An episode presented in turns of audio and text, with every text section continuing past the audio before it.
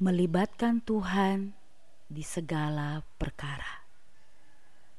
1 Samuel 23 ayat 1 sampai 13.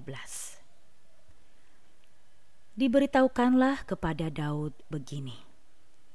Ketahuilah orang Filistin berperang melawan kota Kehila dan menjarah tempat-tempat pengirikan. 1 Samuel 23 ayat 1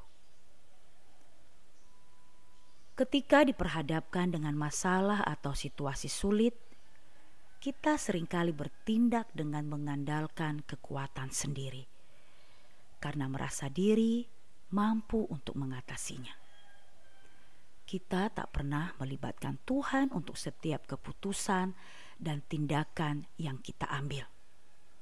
Alkitab memperingatkan, banyaklah rancangan di hati manusia, tetapi keputusan Tuhanlah yang terlaksana. Amsal 19 ayat 21 Sebuah keputusan bijak bila sebelum mengambil sebuah keputusan atau tindakan, kita terlebih dahulu berdoa memohon tuntunan daripada Tuhan. Daud salah satu contoh seorang yang selalu berdoa sebelum mengambil sebuah keputusan dan melakukan suatu tindakan, mencari Tuhan terlebih dahulu. Dengan kata lain, Daud selalu melibatkan Tuhan di segala aspek kehidupannya. Ketika ada seseorang yang datang kepada Daud untuk menyampaikan berita tentang keadaan politik dan keamanan di Kehila, ketahuilah orang Filistin berperang melawan kota Kehila dan menjarah tempat-tempat pengirikan.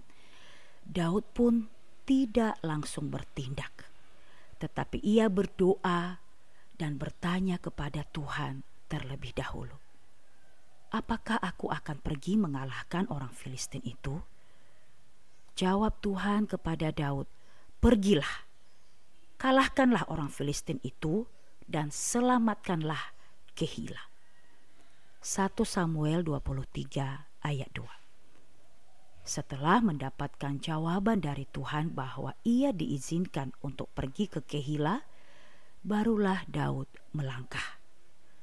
Dan ketika orang-orang merasa ragu dan takut untuk pergi ke Kehila, Daud kembali bertanya kepada Tuhan. Dan Tuhan kembali meneguhkan Daud untuk pergi ke Kehila. Pergilah Daud dan orang-orangnya ke Kehila dengan penuh percaya diri, karena percaya Tuhan menyertai mereka. Karena campur tangan Tuhan, Daud berhasil mengalahkan musuh dengan kemenangan yang gemilang.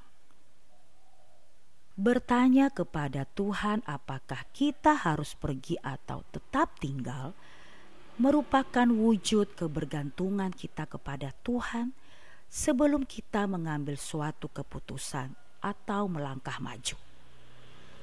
Kita perlu bertanya kepada Tuhan karena kita menyadari kekuatan dan kemampuan kita yang sangat terbatas karena itu, kita membutuhkan uluran tangannya untuk menuntun dan menyertai kita.